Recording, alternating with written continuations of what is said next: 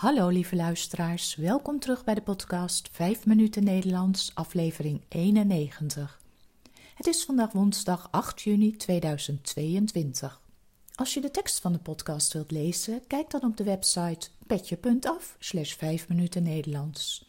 Als je de teksten van eerdere podcast wilt ontvangen of vragen hebt, stuur dan een e-mail naar 5minutennl.gmail.com.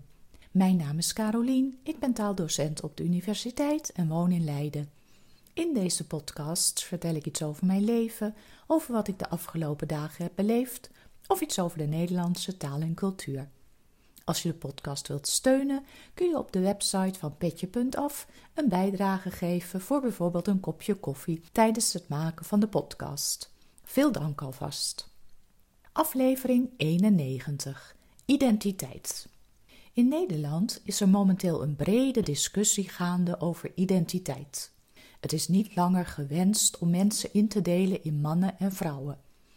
Er is een groep mensen die zich nog man, nog vrouw voelt en ook deze groep dient gerespecteerd te worden. Dit kan ik allemaal nog volgen, maar dan begint de discussie hoe we dit het beste kunnen oplossen. Bij openbare gelegenheden is het bijvoorbeeld niet langer gewenst om te zeggen: geachte dames en heren. Dit wordt ook niet meer omgeroepen in de trein of op de stations. Wat is dan wel correct om te zeggen? Nou, bijvoorbeeld geachte aanwezigen of beste reizigers. Het beste is om een genderneutraal woord te gebruiken. Voor een juf of meester in de klas kun je dus leerkracht gebruiken. En voor een verpleger of verpleegster in het ziekenhuis gebruik je verpleegkundige. Ook de verwijzingen naar hem of haar kun je proberen te omzeilen. In plaats van de student moet zich tijdig inschrijven voor de vakken die hij wil volgen, kun je beter schrijven: Wil je bepaalde vakken volgen, schrijf je dan tijdig in. Je is in dit geval neutraal. Ook zou je iedere keer hij slash zij kunnen schrijven, maar dat leest nu eenmaal niet makkelijk.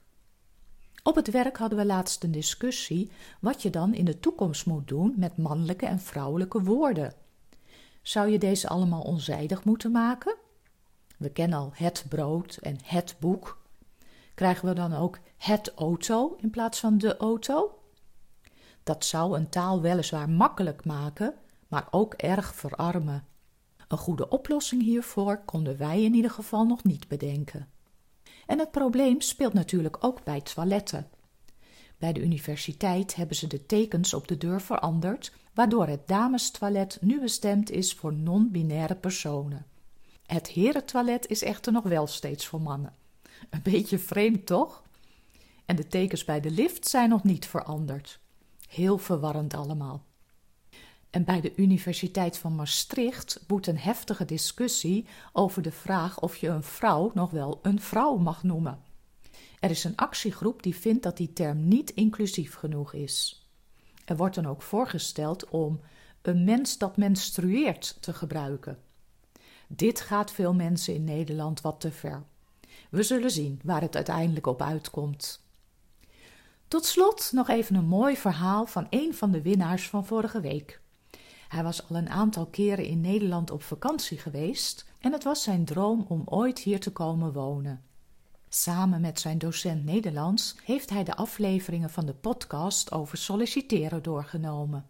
En hij schreef me: Kort daarna heb ik een vacature bij een Nederlands bedrijf gezien en ik dacht: waarom niet proberen? Nu weet ik hoe een sollicitatiegesprek kan gaan. Zo gezegd, zo gedaan.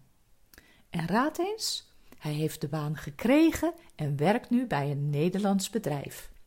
Meteen een uitstekende manier om je kennis van de taal in praktijk te brengen, waar een podcast al niet toe kan leiden.